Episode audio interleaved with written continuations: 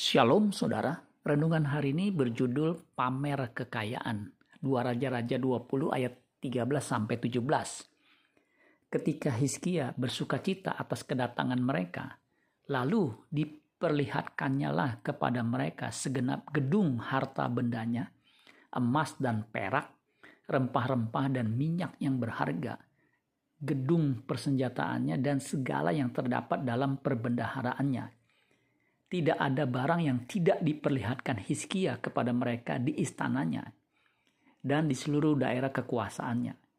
Kemudian datanglah Nabi Yesaya kepada Raja Hizkia dan bertanya kepadanya, Apakah yang telah dikatakan orang-orang ini?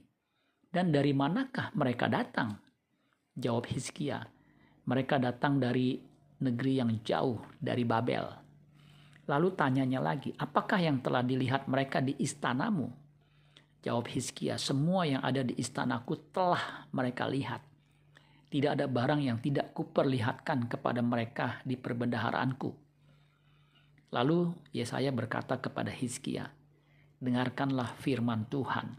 Sesungguhnya suatu masa akan datang bahwa segala yang ada dalam istanamu dan yang disimpan oleh nenek moyangmu sampai hari ini akan diangkut ke Babel tidak ada barang yang akan ditinggalkan. Demikianlah firman Tuhan. Memamerkan kekayaan kepada orang lain memang biasa dilakukan raja-raja pada zaman dahulu. Contoh lain adalah Raja Ahasiweros. Esther 1 ayat 4. Di samping itu Baginda memamerkan kekayaan, kemuliaan kerajaannya dan keindahan kebesarannya yang bersemarak berhari-hari lamanya sampai 180 hari. Raja Ahasiweros bukan saja memamerkan kekayaannya, ia juga memamerkan kecantikan istrinya, Ratu Wasti, yang ditolak oleh sang ratu. Hal ini berakibat kedudukan ratu dicopot dari Ratu Wasti. Konon, kemungkinan sang ratu tewas dibunuh.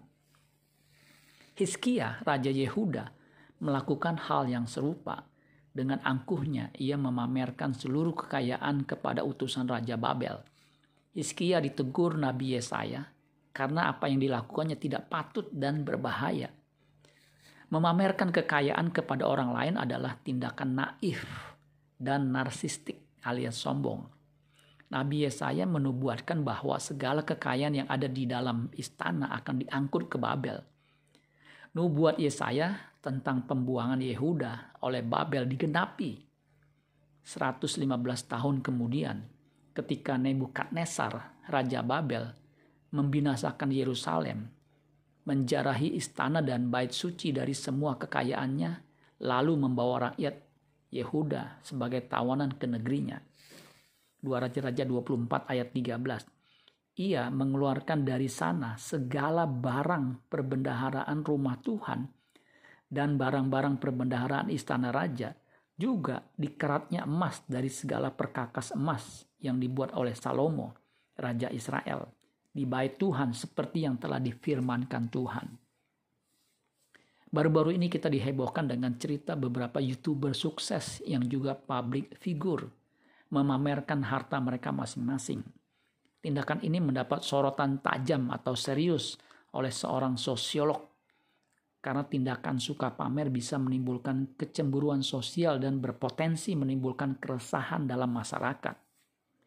Sedangkan bagi artis yang bersangkutan, apa yang mereka lakukan itu berhubungan dengan bisnis konten YouTube mereka. Karena konten ini, konten yang suka pamer kekayaan, sangat disukai orang. Jadi bisa saja perilaku memamerkan harta adalah bagian dari pekerjaan mereka di dunia hiburan – untuk meningkatkan popularitas mereka. Terlepas dari perdebatan benar atau salah dari perilaku pamer kekayaan dan kesuksesan, orang Kristen sejati tidak akan melakukan hal-hal yang demikian, apalagi karena didorong oleh kesombongan. Amin buat firman Tuhan. Tuhan Yesus memberkati. Sola Gracia.